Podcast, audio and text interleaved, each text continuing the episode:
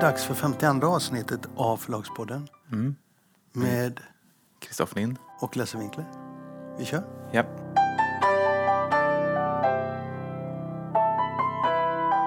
Du sa så här till mig häromdagen. Jag kommer på att 70 procent av all PR är meningslös. Jag menar verkligen att 70 procent av all PR är rätt meningslös. Ehm, det vill säga att 70 procent av all PR driver inte försäljning. Det är någonting som jag har tänkt ganska mycket på. Att eh, det är så fruktansvärt svårt att skapa PR, alltså publicitet för böcker i media som faktiskt driver försäljning. Eh, det är ganska svårt att mäta också men idag kan du ju se ganska tydligt både på streamingtjänsterna och på Bokus och Adlibris att om du har en bok i media så kan du liksom se konsekvensen av men hur mycket böcker säljer vi. Och ehm, eh, jag har rätt många exempel på, det har alla förlag och alla förläggare, många exempel på eh, att väldigt mycket uppmärksamhet sällan, alltså det finns inget likhetstecken mellan stor uppmärksamhet och stor försäljning. Utan det beror helt på sammanhanget och vilken typ av bok det är. Men det där är väldigt svårt att styra och påverka. Och vi lägger ner enormt mycket tid på att skapa PR för våra böcker för det är en av de få saker som ett förlag kan göra. Men det mesta PR är ganska meningslös. Jag kan ta ett, väldigt konkret exempel. Vi gav ut en bok av Carl Deman som heter Med livet som insats. Och han är en av våra stora humorprofiler på nätet. Titeln syftar på att han berättar sin historia om, om att han har haft spelmissbruk. Eh, och det är en väldigt spännande historia i sig. Men eh, den här boken har fått otroligt mycket uppmärksamhet. När den har sålt helt okej och när den, han, när den kom så eh, gjorde han mycket reklam för den i sina egna sociala medier. Eh, och då såg vi en väldigt kraftfull försäljning. Inte minst då på nätet för det är ju, de är ju oftast redan där. Den här typen av böcker säljer ju oftast mest på nätet. Sen har vi fått massor av PR. Han har varit med i TV och han var, det var en väldigt stor eh, intervju i Dagens Nyheter. Vilket är oftast det bästa du kan få för en bok. Eh, det var, I dagsidan handlade det om spelberoende och det var en bra tydlig koppling till boken, bra bild på boken. Vi såg inte att det rörde sig överhuvudtaget utan det var uteslutande när han var verksam i sina egna kanaler. Förklaringen här då är, skulle jag säga, att han är, alltså de som köper hans bok är i första hand de som är hans fans och de, de når han inte via Dagens Nyheter. De når han inte via, via Nyhetsmorgon utan han når dem genom sina egna kanaler. Och eh, de som, de som läser om honom i, i eh, Dagens Nyheter, de kanske inte riktigt tycker att det här är så spännande så att de går ut och köper boken helt enkelt. Men det, det var bara ett konkret exempel. Alltså, jag tror att hade vi inte arbetat med att få intervjuer för honom i de här andra kanalerna så hade försäljningen, skillnaden i försäljningen hade varit minimal. Det är min känsla. Sen kan det finnas andra anledningar till att man gör det. Inte bara författarvård, alltså det är ju väldigt viktigt att man jobbar med böckerna och sådär. Men, men det finns, jag kan ta, det här var bara det senaste exemplet, men jag har hur många exempel som helst på att, att det är väldigt svårt liksom att med PR skapa eh, försäljning för en bok. Och vad blir din slutsats av detta? Måste du alltid ställa så jobbiga frågor? Eh, alltså det här var inte tanken att vi skulle ta upp det i podden. Det var bara en sån här sak som jag bara hävde ur mig. Alltså 70% av all PR är meningslös. Nej, jag vet inte om jag har någon slutsats i det här. Men eh, en slutsats är ju naturligtvis att man kanske ska, man kanske ska undra, fråga, ställa sig frågan liksom hur vad får det för effekt, allt det här jobb som vi gör? Kan vi jobba på ett annat sätt? Eh, vad är det som driver försäljning och hur ska vi, hur ska vi tänka om? Men det, men det är väldigt svårt. Det är, alltså, det är en fråga som man ställer sig alltid. Och eh, egentligen så handlar det här om en... Allt, allt kokar ner till frågan hur skapar man... Hur säljer man böcker? Hur skapar man en efterfrågan? Och den är ju väldigt svår. Bara som en liksom, en liten eh, mini-parentes till allt det här. Det är ju eh, många som inte har kommit ut med böcker tidigare. De eh, tror ju då när de är med i Nyhetsmorgon eller när de är med i P4 Riks eller något sånt där ganska stort. Så tror de att det ska gå tusen böcker, någonting sånt. Och sen så när man förklarar för dem att ja, men det gick jättebra. Alltså du, du sålde 25 ex igår på, på Adlibris och 12 ex på Bokus. Så tror de att man ljuger. Mm. Att, det, att den här, vi har en idé om att, att genomslagskraften är så stor och det är den inte, den är ganska liten. Fast där vill jag gå in då. Därför jag menar så här. Att om samtalet om böcker är stort i, i, i samhället, om böcker är intressanta, om det liksom är top of mind för folk. Då kommer fler att köpa böckerna. Ja, det är klart att det är en övergripande kan man säga att ju mer det skrivs om böcker desto mer säljer böcker. Och det är bra för samtalet och, och det är bra att liksom, saker hängs upp på böcker. Så att det finns ju ett allmän intresse av att man ska prata om böcker. Det håller jag helt med om. Jag, jag bara talar om att ur förlagets synvinkel så är det ju ofta så att även om du får till ett väldigt bra eh, program för en författare och du har liksom in, intervjuer här och intervjuer där och tv-soffor här så är det ju väldigt sällan som det, som det driver försäljning. Eh, I alla fall om det är en relativt oetablerad författare eller okänd författare så är det, det är bra. Liksom. Det, är, det, är, det är en bra början men det är ju långt ifrån att det där kommer visa sig i form av försäljning. Och det, det, är väldigt många, även etablerade författare, som tror att det är helt avgörande att synas i media och det är inte helt avgörande.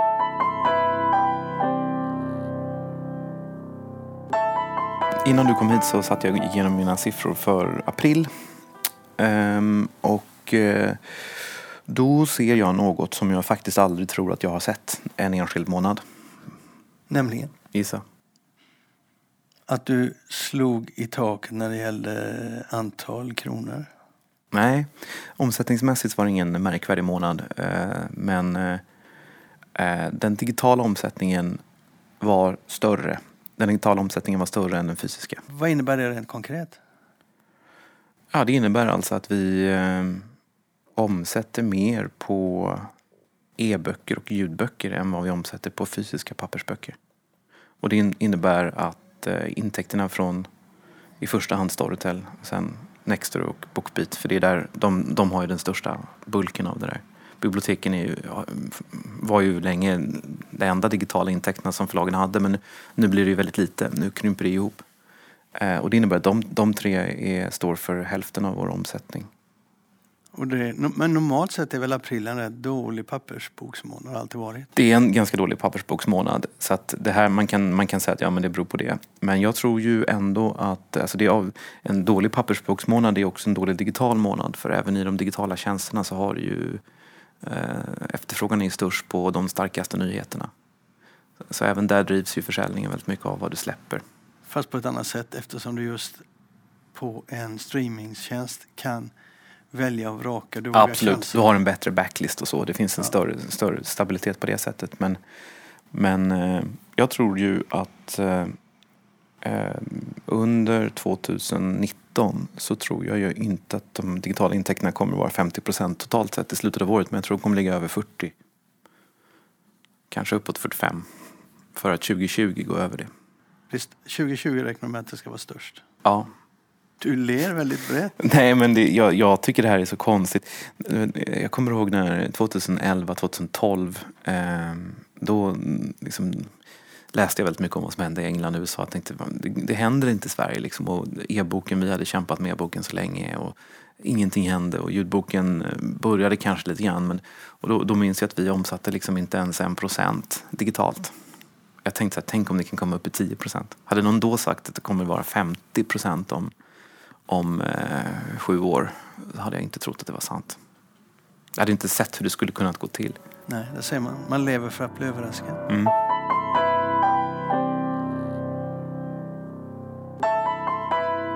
Du såg att Norstedts ska ge ut Müller-rapporten?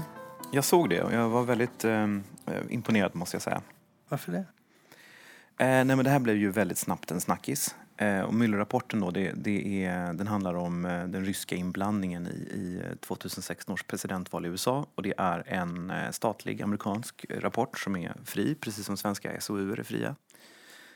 Och den har blivit jättestor i USA, sålts jättemycket och, och förlagen har liksom konkurrerat lite grann med vem som hinner först och sådär. Eh, och det har också ställts frågan, kommer den komma på svenska? Och då så gör Norstedts någonting som är blixtsnabbt. De eh, laddar ner den här och liksom ger ut den som en podd. Med ett svenskt omslag, svensk titel, men med en engelsk inlaga. Då. Du menar som ljudbok? Nej, inte ljudbok utan som en podd, eh, print on demand. Ja, så menar du? Vi pratar en podd? Ja, vi pratar in podd. Ja, nu får du hänga med här lite grann. Ja, det får jag nog göra. Ja. Jag, nej, men ja. jag tycker bara det var, det kanske inte säljer så mycket, eh, men det var, tycker jag, kul gjort, snabbt tänkt och handlat och eh, ja, det var lite liksom, lite kul tycker jag att de gjorde. Det var, det var på hugget.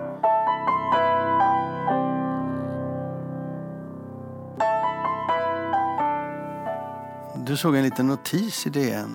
Det var den minsta notis som jag någonsin har sett tror jag på kultursidan. Um, och uh, det stod så här, nu ska vi se vad jag har, har den, jag skickade den ju till dig.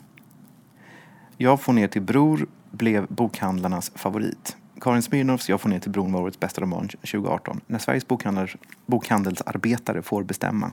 Bland barnböckerna var Emma Adbåges Gropen favoriten. Det är Svenska Bokhandelsmedhjälparföreningen som har röstat fram den till sitt årliga pris. Båda böckerna Augustnominerades också. Vad var det som irriterade dig? Ja, det var inget som irriterade mig men det slog mig bara att det här är ett pris som jag aldrig har hört talas om. Och utan att förhäva mig och vara besserwisser så har jag hört talas om ett och annat i bokbranschen. Bokhandelsmedhjälparnas förening då är ju en eh, förening för just bokhandelsmedhjälpare, de som är anställda i bokhandel. Och, eh, jag tror inte att alla är medlemmar där, eller inte aktiva medlemmar i alla fall. Och jag har ingen aning hur man röstar fram en sån här eh, pristagare. Och jag, man kan ju fundera på varför man gör det överhuvudtaget, för det är en väldigt liten förening. Alltså det är inte någon dum idé, men det måste, i Norge så har de ju bokhandlarprisen som har ju nästan samma genomslagskraft som Augustpriset och sådär. Att bokhandlarna mm. röstar fram sitt, sitt eget favoritpris är ju en bra tanke, men det är inte ett pris som, som har någon betydelse, som har någon effekt, som gör någon skillnad. Och då slog det mig att det finns ju ganska många priser och börjar man inte bli lite trött på dem. Ehm, ett annat pris som jag uppfattar i och för sig har vuxit lite grann i betydelse de senaste åren. Det är det priset som Bonniers bokklubb, eller Bonniers bokklubbar startade 2016 eh, som heter Årets bok. Känner du till det? Nej. Du har aldrig hört talas om det? Inte så. Jag har lagt det på minnet. Jag har säkert läst det flera gånger. Ja. ja det är fjärde året i rad nu som de arrangerar det, Årets bok. Och då är det Bonniers bokklubbs medlemmar som får rösta på tiotalet böcker som man har valt ut. Eh, och eh, jag känner naturligtvis till det för att jag får mejl om det. Men jag tror inte att jag har läst om det någonstans. Sen så finns ett nytt pris som är nytt för år som heter Årets Feelgood som delas ut på Feelgood-festivalen. När jag tänker på priser så tänker jag ofta numera på Akis, Akis eh, numera klassiska försök att ja. starta ett, ett, ett pris, litterärt pris. Det var ju så att de bestämde sig för att de skulle ha årets författare, årets bok. Och skulle de lansera den i sina... Vinsten var att de skulle lansera den hårt i sina butiker. Och det var ledningen i Acke som kom på det. Och sen så gick de in i organisationen och där fick de klart för sig om det här skulle skötas korrekt så skulle det ju röstas och det skulle liksom ges möjligheter för eh, läsarna, snedstreck köparna, att ha synpunkter på det här. Och då skulle det bli en väldigt lång process. Och då tyckte dåvarande ledningen att nej, det tog för lång tid så de utsåg själv en pristagare och låtsas som att det hade varit en omröstning. Eh, och eh, jag fick tag i det när jag satt som, svensk, eh, som chefredaktör på Svensk Bokhandel. Nej men vänta nu här. Jo, så var det. De gjorde ju det här bara för två år sedan. Det var långt efter att du... Eh, nej, nej, det gjorde de inte för två år sedan. För jag vet... Men då är det ett nytt pris. Gud ja. vad det här blir gaggigt. Nej, de, men, men de... alltså så var det. De gjorde så. Och det var ett antal år sedan, det var när jag var kvar på Svensk Bokhandel. Och jag fick reda på exakt hur det gått till och då skrev jag det. Och sen gick det ut i andra medier och sen så dog det priset. Men de kanske kommer tillbaka med ett pris på andra grunder nu. För ett eller två år sedan så hade de ett pris där man skulle få gå in och rösta. Och eh, sen så bestämde de sig för att lägga ner priset efter att folk hade röstat. Och det blev helt enkelt fel bok som vann. Jag vet inte, de har varit otroligt hemlighetsfulla kring vilka, vem det var som vann. Men det var en helt hopplös bok. Jag gissar att det var någon som, eh, nu bara spekulerar jag, men det var något som inte gick liksom. Eh, eh, antagligen så var den här boken, främlingsfientliga boken om invandring eller någonting sånt där som hade fått hur många hundratusen som helst att gå in och klicka. Alltså det var, någonting sånt måste det ha varit. Jag, jag, tror att det var en bok som de inte hade sålt liksom, mer än kanske 30 ex av i hela kedjan. Ja, så kan det gå. Det vill säga, de har gjort två försök och bägge har gått åt helvete. Ett annat pris är också det som Emily Skepp har vunnit, vunnit tre år i rad. Och det är Crime Time-priset. Eh, och eh, det, det, det, är också en omröstning via nätet. Och Emily Skepp är ju en jättepopulär eh, person. Väldigt populär författare och sådär. Men att hon vinner det tre år i rad är ju mycket konstigt. Ja, det går ju att orkestrera sådana omröstningar mm. utifrån. Men överhuvudtaget de här priserna, eh, man kan fundera, varför gör de de här priserna, eh, organisationer och företag? Det är ju för att själva synas, ofta. Det är sällan för att lyfta fram bra, eh, bra författare. Och i synnerhet då när man går ut och, och låter folk rösta på nätet så är det ju lite hejs över hela. Det är som att be om problem. Mm. Så att jag skulle vilja föreslå lite mer seriöst sätt att ta sig an det se till att ska man starta ett pris så ska man ha tillräckligt många som röstar för all del. Men de ska ha en chans att göra det på rätt sätt. Men det problematiska med ett pris är också att det måste, bli, det måste bli stort för att någon ska bry sig om det. Annars blir det bara ännu ett pris som ingen har hört talas om eller ännu ett pris som inte gör någon skillnad. Mm. Alla de priser det- vi har tagit här nu är ju sådana. Ja, de, de, de har ingen som helst betydelse. Lite Sen har de här Grythyttepriserna, de är ännu värre. De är ju... det, där är en gammal, det där är en gammal surdeg. Du menar de här Ja, kokbokspriserna? kokbokspriserna, det är, den, det är det värsta jag vet faktiskt. För Ja. De delar ut priser i, hur många kategorier är det inte? Ja, 60, 70, 80. Ja, 60-70 och det är så här, bästa översättning till årets trädgårdsbok och såna saker. Ja, och det roliga är att alla vet att det är småkorrupt. För Mm. de som Ja, är det håller, det också? Ja, de som håller i det de kräver ju alltid eh, bidrag. Och eh, genom historien så har det varit fullt av det. Mm. Och så har de ett som heter Årets bästa branschtidning. Så ett år ska de utse oss till det och då tackar jag nej. Jag sa, jag vill inte vara med i det sammanhanget. Och förlag vet ju om det här att det är inte helt seriöst. Men vad har det, vad har det branschtidningen med mat och dryck att göra? Årets, årets bästa branschtidning i, i bokbranschen. Okej. I bokbranschen, det fanns så stor konkurrens. Ja, internationellt är det ju det. Mm. Författarna blir helt tokiga när de får de här priserna. Och eh, Staffan Törnqvist vann det där priset något år med bästa, världens bästa spritbok tror jag. Ja, som du gav ut. Ja, den, var väldigt, den är väldigt bra. Men eh, han blev ju alldeles till sig över det här och åkte till Paris för att ta emot priset liksom, och tyckte att förlaget skulle liksom, typ, gö- göra tv-reklam för det här. Eh, men det är ju ingen som hört talas om det. Det blev ju inte ens en notis i Sverige och eh, boken säljer varken mer eller mindre. Och jag tror att eh, han fick då pris för bästa spritbok men totalt då 62 kategorier. Alltså, det, är, det är ett totalt meningslöst pris. ja, jag vet inte om det är 62, men det är jättemycket. Numera så skriver ju media om det, för de har ju ingen koll. Så när det kommer de här listorna och det är svenska böcker, det är alltid svenska böcker som får priser. All positiv PR använder man sig av, även om underlaget är väldigt skakigt som i det här fallet. Jag tycker att eh, de borde bojkotta det priset, för det är faktiskt inte särskilt seriöst. Ja, ja, det vet inte jag. Jag bara menar att det var ett utav raden av alla dessa priser som det har gått lite inflation i.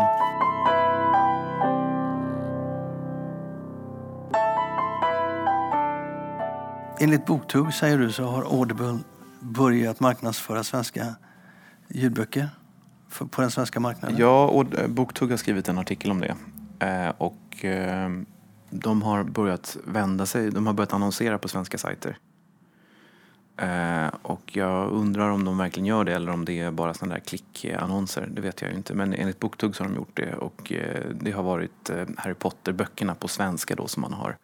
Ja, och Jonas Moströms böcker och Anders Adalis böcker och massa Lind Company-böcker. Ja, fast de har de väl inte annonserat som, så vitt jag vet. Nej, men de finns där på deras plattform. Ja, de finns där på plats. To- Totalt finns det 1200 böcker. Jo, men dina, eftersom dina böcker finns där så vet du väl Alla mina böcker finns inte där, men ett, ett antal. varför det? Hur har du tänkt där? Ehm, Det är otroligt komplicerat att lägga upp böckerna på Audible. Eh, Mycket tekniskt besvär med att få upp dem där.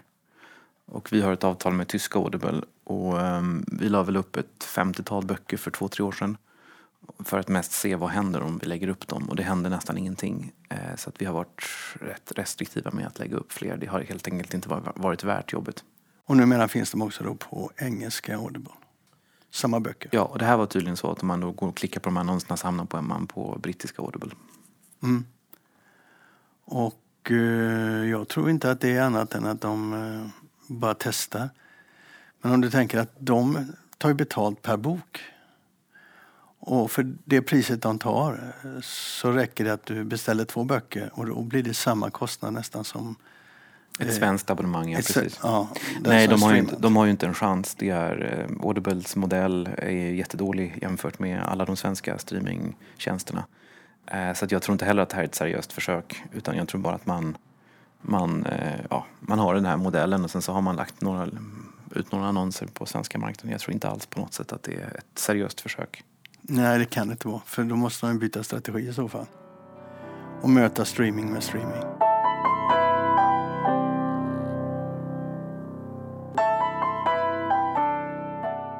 Uppföljning av Kulturrådets inköp av barnböcker måste vi göra också eftersom det har varit ute i media nu. Och du har varit väldigt glad för det. Ja, det blir ju mycket bättre beställningar än vad jag trodde. Vi har ju en bok som har, de har beställt i 10 100 exemplar. Eh, och eh, här gjorde då Svensk Bokhandel, eh, måste vi ge cred, en artikel som går igenom då vilka böcker som har sålt bäst. Och då visade det sig att den här boken som jag hade som, som sålde så bra, Arnes stora läskiga tänder, den hamnade på fjärde plats, var fjärde mest populära boken. Och den mest populära boken var Vems bajs, utgiven av Triumf förlag som har beställts i 12 654 exemplar. Och sen så är nummer två en bok från Bergs, Det är orättvist, och den har sålt till 12 407 ex. Så det här är ju väldigt höga volymer. Jag har en, en annan bok, jag hade med, med, hade med två böcker som ligger på 5-6 tusen tror jag den hamnat på. Eh, den är inte med då på 10 topp. Så att jag tror att det har varit en ganska, ganska ordentliga eh, beställningar. Mm, alla titlar som har, har varit med har fått ett par tusen minst. Och det betyder rätt mycket för förlagen. Ja, jag träffade några av de här, eller liksom man stötte ihop med förlagen hela tiden. Och när jag var i Bologna så var det flera av de här förlagen. På barnboksmässan i Bologna? På barnboksmässan i Bologna. Nu är det ett tag sedan. Men där var det flera stycken som sa att det här räddar vårt bokslut. Alltså det är inte bara så att det här är liksom grädde på moset eller att det, liksom, det här var bra. Liksom, utan det här, gör, det här gör skillnad för hela, hela bokslutet. Dock inte för dig? Nej, inte för mig. Det är bara två titlar. Um, det gör inte skillnad på det sättet men det, men det är det är ju ganska bra marginaler för förlagen på de här böckerna som man säljer till eh, i den här upphandlingen för att förlagen har, ger inte så jättehöga rabatter till Aromedia. Eh, som är de som distribuerar? Ja precis, och när det, kommer upp i den här, när det kommer upp i många tusen exemplar på det här sättet så blir det ju väldigt fina, fina affärer för förlagen.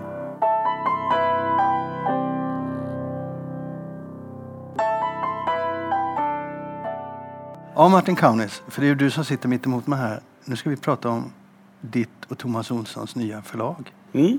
Kaunitz Olsson. Eller Ko som de säger i branschen. Ko, ja det är bra. ko, ja. Nej, skämt åsido. Eh, vi ska nog börja med att berätta. Alla vet inte vem du är. Du har jobbat som förläggare på Norstedts. På Norstedts var jag från 2000 till 2007. Första året var jag redaktör åt Danne Israel. Och sen när han slutade för att, bli, eh, för att starta Leopard då eh, fick jag hans jobb. Så att från och med 2001 var Har jag varit där? förläggare då för sakprosa. Sen blev du headhuntad och du började då på Albert Bonniers förlag som förläggare. Och i min värld, vi kanske ska också avslöja det, att jag gjorde en artikel, eller ett reportage om dig i den nu sedan länge nedsomnade tidningen 450 som jag startade efter Svensk Bokhandel. Då följde jag den under ett halvår när du eh, snabbare att köpa nya skor för att kunna eh, vara med på lanseringen av Morrisses nya bok. Och jag följde dig i Frankfurt. Mm. Och eh, det var ett av de roligaste jobben jag gjorde tror jag. Eh, överhuvudtaget. Det är alltid roligt att följa någon över tid. Men jag lärde mig då en sak. Det är att du har näsa för böcker som andra kanske inte riktigt ser. Tittar man på din eh, track record då, så har du ju rätt... Eh, den ser ju rätt snygg ut när det gäller böcker. Ja, man kan ju vända på det. Det finns ju en framsida som blänker och så finns det en, eh, en baksida. Kjell Pettersson på Atlantis sa till mig innan jag ens hade blivit förläggare att man eh, ska döma en förläggare dels efter de böcker som man landar och de böcker som man går miste om. Och man lär sig nästan mer av de böcker som man refuserar eller går miste om. Så är det ju. Men, men, men in, min introduktion här är egentligen till bara för att få uh, nåla upp dina så att säga credentials på väggen så att folk ser vad det handlar om. Du till exempel var den som lanserade Caitlin Moran i Sverige. Mm. Du var den som eh, tog, tog i Karin Johannesson och hjälpte till att hon blev så stor. Obama är på din eh, lista. Morrissey, även om det finns ett annat att säga om den eh, boken eller om honom då. Men... Ja, den kom ju aldrig ut för det första. Gjorde den aldrig det? Nej. Ett, ett par månader efter att eh, vi hade fått eh, eh, allting i ordning så hörde han av sig och klippte alla utländska dealar. Det fick inte jag med mig för då hade jag redan gjort den här. Ja, ja, det var efteråt. Och det kan man diskutera. Var det för att han eh, var det on a whim? Eller var det för att han egentligen bara ville ha reda på hur mycket han var värd världen över? Ja. Eller var det för att han ville fortsätta sälja den? Ja, sen dog han ju den engelska. Ja. Han dog ju mentalt så att jo. säga efter det. I, i, i omvärlden. Mm. Men det var en av dina drömutgivningar eftersom det var en av dina stora favoriter, minns jag. Absolut. Och sen eh, förutom det så har du eh, Steve Jobs. Är en av de första som såg innan liksom det smällde på. Och du har en hel del sådana eh, rätt stora namn och framgångsrika böcker. Och sen hade du förmågan, eh, det vet ju inte jag men andra har sagt det om dig. Du hade förmågan att sälja in dina författare och dina böcker i organisationen. Så att de blev stora, att de Mm. hjälpte dig att göra dem stora. Sen är du också, det måste man också säga då, du är bitvis kontroversiell i branschen. Säkert. Ja, nej men det är du. Och du har varit pennordförande också. Nej, vice ordförande. Vice ordförande? Tio år. Okej, Först med Ola Larsmo och sen Elisabeth Åsbrink. så var det kanske. Jag fick Ja. för mig att du hade varit ordförande Nej, en nej. period. Okej, Jag tänker med Penn att det bör vara en författare som ordförande. Och sen kan det vara lite erfarna förlagsfuxar som rattar det administrativa Mm. vid sidan av. Men det måste vara en författare. men nu har jag gjort dig tillräckligt vacker då för omvärlden. Ja. Så nu har du alltså startat ett förlag Mm. ihop med Thomas Olsson. Mm. Och ni fick en, en, eh, en rätt fin PR-artikel i DN över två sidor när de berättade om era ambitioner. Era, Ja, det var en intervju, samma sätt Ja. som du gör. ja, men de är ju... Det här är väl ingen PR-intervju det heller? Nej, jag tyckte att det var en PR-intervju för att den var så... Men det handlar mer om kulturjournalisterna som gillar det kreativa så mycket. Så när ni lägger fram er eh, ambition, för det är nog vad ni gör, Ja, absolut. Så, så är de ju eld och lågor för att det är deras egna eh, drömmar, ambitioner antar jag. Men där på den, press, eh, i den genomgången så berättar ni lite grann vilken typ av böcker ni var Mm. ute efter att ge ut. Och du Mm. kan väl bara berätta för vå- våra lyssnare hur du tänker dig att det här förlaget ska starta. Ja, vi startar ju med eh, dels de böcker som Thomas är väldigt bra på, Nina Hemmingsson och Erik Eriksson som finns med redaktionellt. Det är ju konstböcker, det är tecknade serier, det är satir och humor. Och där har vi även en eh, inte oväsentlig kalenderutgivning som, som blir som en bra backlist. Eh, alltså årskalender. Och sen är det meningen att jag ska tillföra de böcker som jag tycker om att jobba med. Eh, reportageböcker, eh, biografier, memoarer, eh, sakprosa. Och eh, det kommer att bli en väldigt eh, traditionell utgivning av, eh, av sakprosa kan man säga. Vem tar hand om resten, skönlitteraturen? Ja, jag kommer jobba med skönlitteratur också. Men det kommer inte bli väldigt många fler romaner på bekostnad av sakprosan. Men det är helt sant. Skönlitteraturen eh, finns med där också. Svensk och översatt. Reaktionen i branschen, så vitt jag har kunnat avläsa den, är ju eh, jaha, men vad ska ni tjäna pengar på? Vi ska tjäna pengar? Vi ska tjäna pengar på att sälja eh, pappersböcker, e-böcker, ljudböcker. Ja, men just den typen av litteratur som ni väljer är Mm. ju eh, i dagens läge svåra att sälja, rent allmänt svåra Mm. att sälja. Volymen har minskat, eh, utrymme för den här typen av böcker har minskat. Vad ska vi inte betala för kan man säga. Hur stora kostnadsmassa ska vi ha? Hur stor kostym ska vi ha? Ska vi ha elva mellanchefer eller räcker det med Thomas och mig som är anställda? Så Ja, att, eh, eh, vi behöver ju bara dra in så mycket pengar så att vi kan gå runt och göra vinst. Och Ja. då är det ju frågan hur mycket, hur stora ska vi vara? Hur stor apparat ska vi ha? men resten då? Jag menar, du är van, och Thomas är också van, lite mindre än dig, av att bli servade av en för- marknads... nej, absolut inte. Låt mig prata färdigt. Ja, Av en marknadsorganisation, av en eh, PR-organisation. Jag menar, du har jobbat hårt med dina böcker internt, men utåt så har du suttit på en, en eh, position och är van vid den. Jag menar, du har rest världen runt, jag har varit med dig lite på det och du har en organisation som jobbar med dina böcker ut på marknaden. Och du sköter logistiken, sköter redovisningen allt det där. Vem ska göra det då?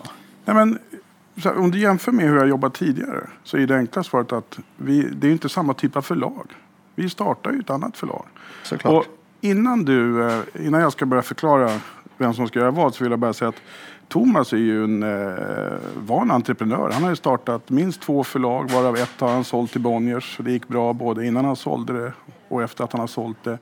Innan jag började på Norstedt så jobbade jag på Clio, den historiska bokklubben. Där satt jag och gjorde medlemsutskick, jag gjorde kampanjer, jag gjorde medlemstidningen själv, det vill säga skrev texter, klippte in dem och gjorde hela... Jag kan, eh, åtminstone i teorin och väldigt mycket i praktiken, hela industrin bakom hur en bok kommer till. Och det är klart att när du jobbar på väldigt stora förlag så är du inte ute på lagret och packar böcker själv eller du är, bryter inte böcker själv. Men, men eh, jag har jobbat väldigt nära författarna, texten och den fysiska boken hela tiden. Och det är väl det som Thomas och jag längtar tillbaka till, att få vara med. Nu har vi suttit och gjort kataloger, vi har gjort försäljningslistor, vi har gjort eh, Insta, Facebook, hemsida. Vi har gjort ett, en grafisk profil, vi har tagit fram ett material. Eh, så att eh, vi tänker att vi ska göra det själva eller att vi köper de tjänster via väldigt duktiga frilansare som finns omkring oss.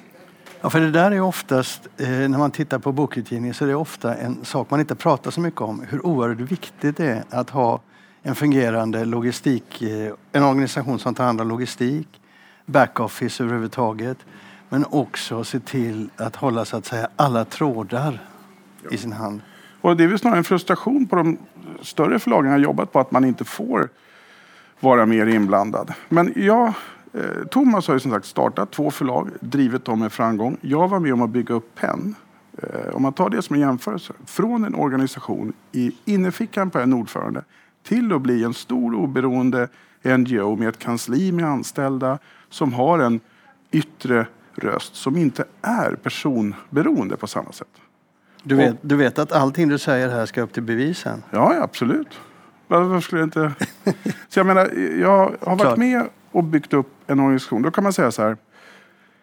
Ja, hur ska ni klara det här? Eller också så säger man att vi börjar i den här skalan. Vi har varit och sålt in vår första höstlista eh, och den består mest av illustrerat. Eh, det är Thomas som tar hand om det. Sen kommer jag addera textböcker och så kommer vi långsamt växa, se vilka behov vi har, vad vi är bra på, vad som är extra krångligt, vad som är extra lätt idag jämfört med när jag satt för 20 år sedan och var frilansare. Och jag använder det här att växa organiskt och det låter lite flummigt. Och det har väl, eh, man kan väl säga att kon står där och i dista poängen då, så får vi se hur långt det kommer. Men jag menar, det är en väldigt tilltalande tanke, både för Thomas och mig. Jag tycker det är tilltalande. Jag, alltså jag tycker det är oerhört tilltalande med nya förlag i, i eh, Sverige idag. Eh, nu har du valt, ni har valt... Det håller på att bli en PR-intervju det här också. Nej, alltså ni har valt ett väldigt smalt utgivningsskikt. Som jag eh, vet att det är oerhört svårt att få eh, ekonomi mm.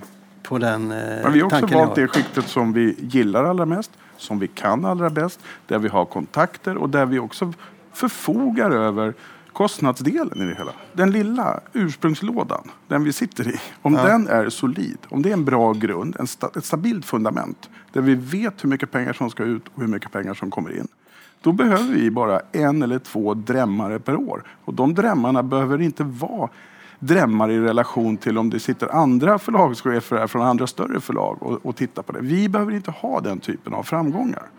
För oss räcker det vi behöver inte titta på en bruttomarginal, vi kan titta på exakta kronor. Förstår du?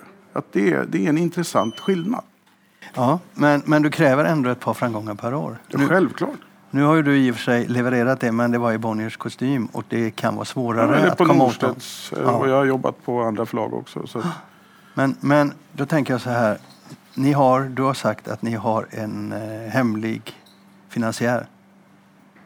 Nej, jag har inte sagt att vi har en hemlig. Vi har en finansiär som inte vill vara med på bild. Ja. ja, men han har ett namn. Ja. Och han heter Jakob Dahlborg. Nej, det gör han inte.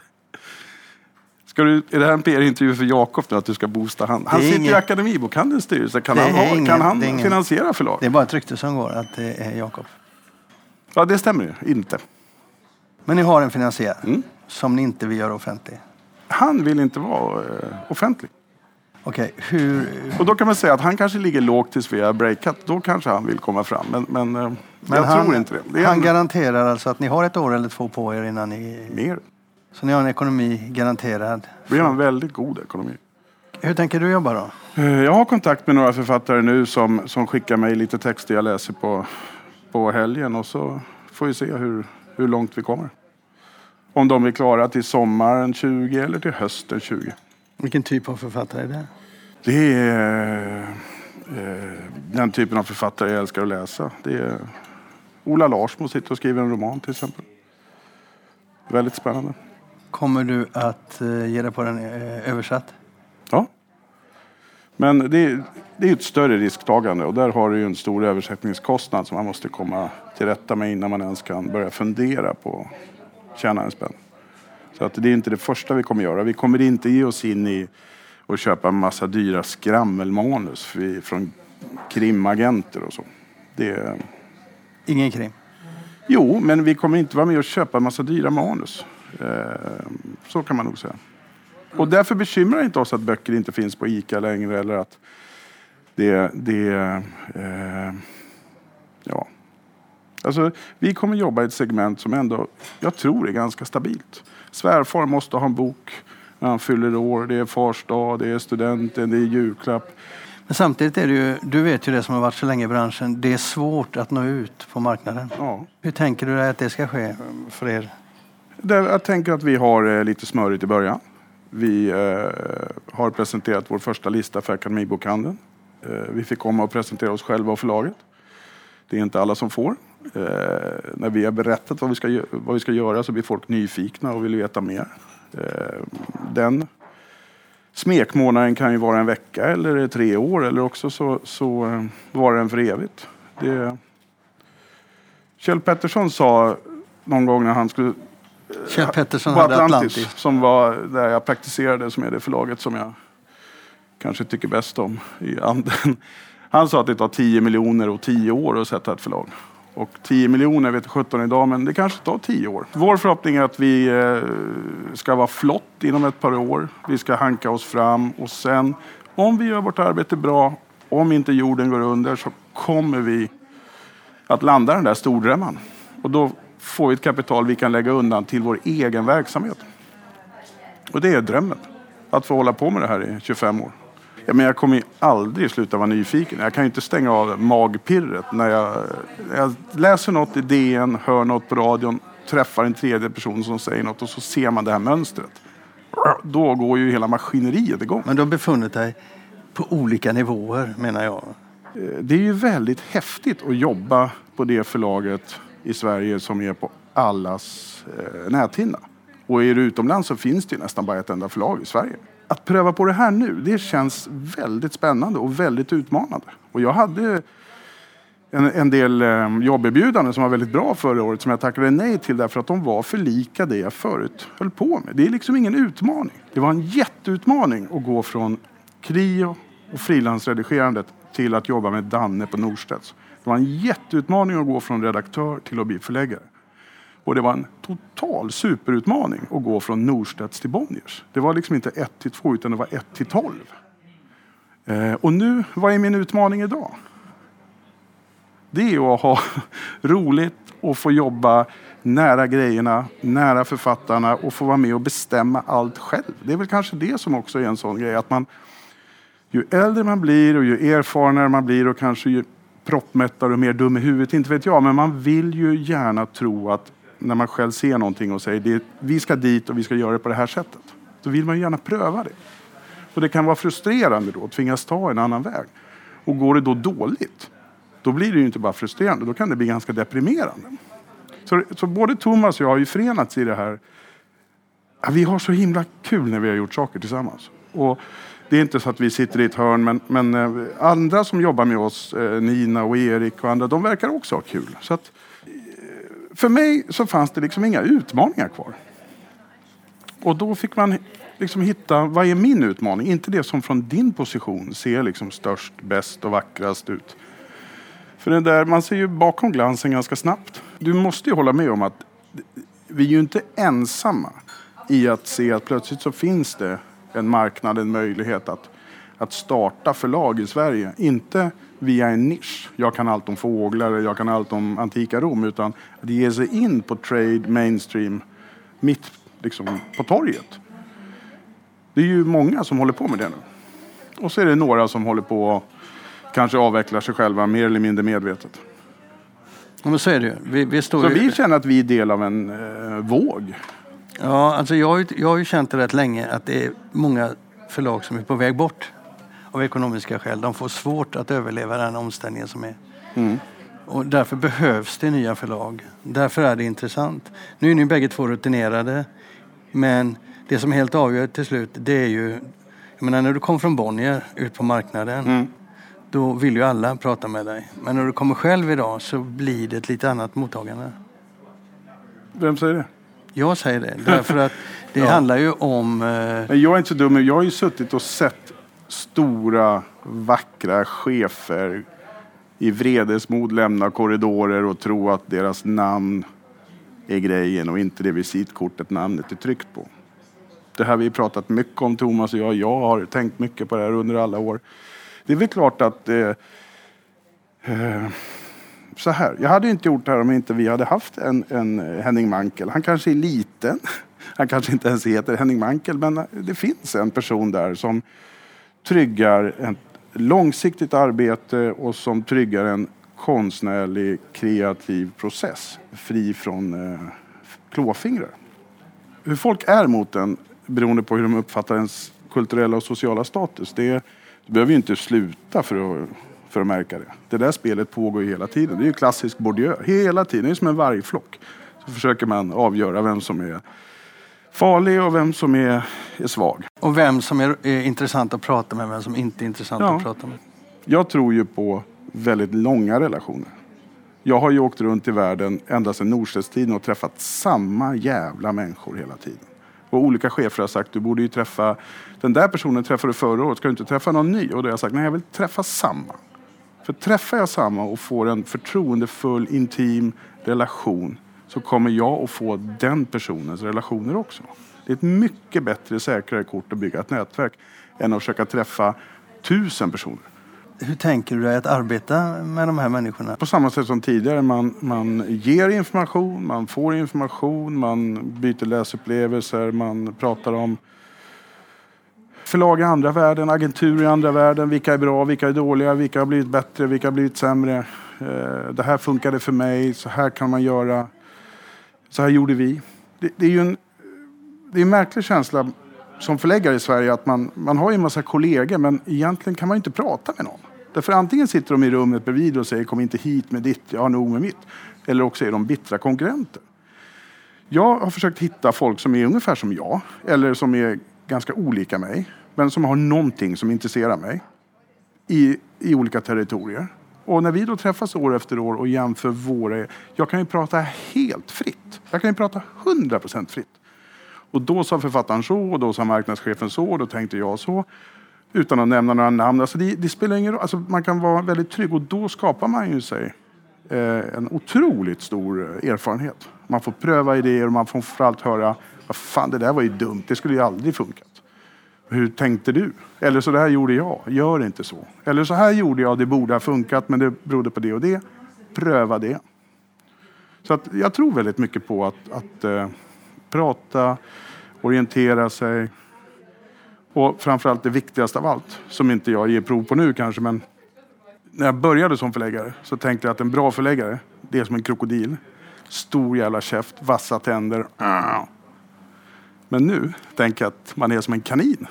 Nej, Jo, liten mun, stora öron. Att det gäller att lyssna. du är med krokodil. Många författare säger så här, du har gett mig så kloka råd. Och det enda jag har gjort är att bara hålla klaffen. Du, Ja, Martin, tack ska du ha. tack.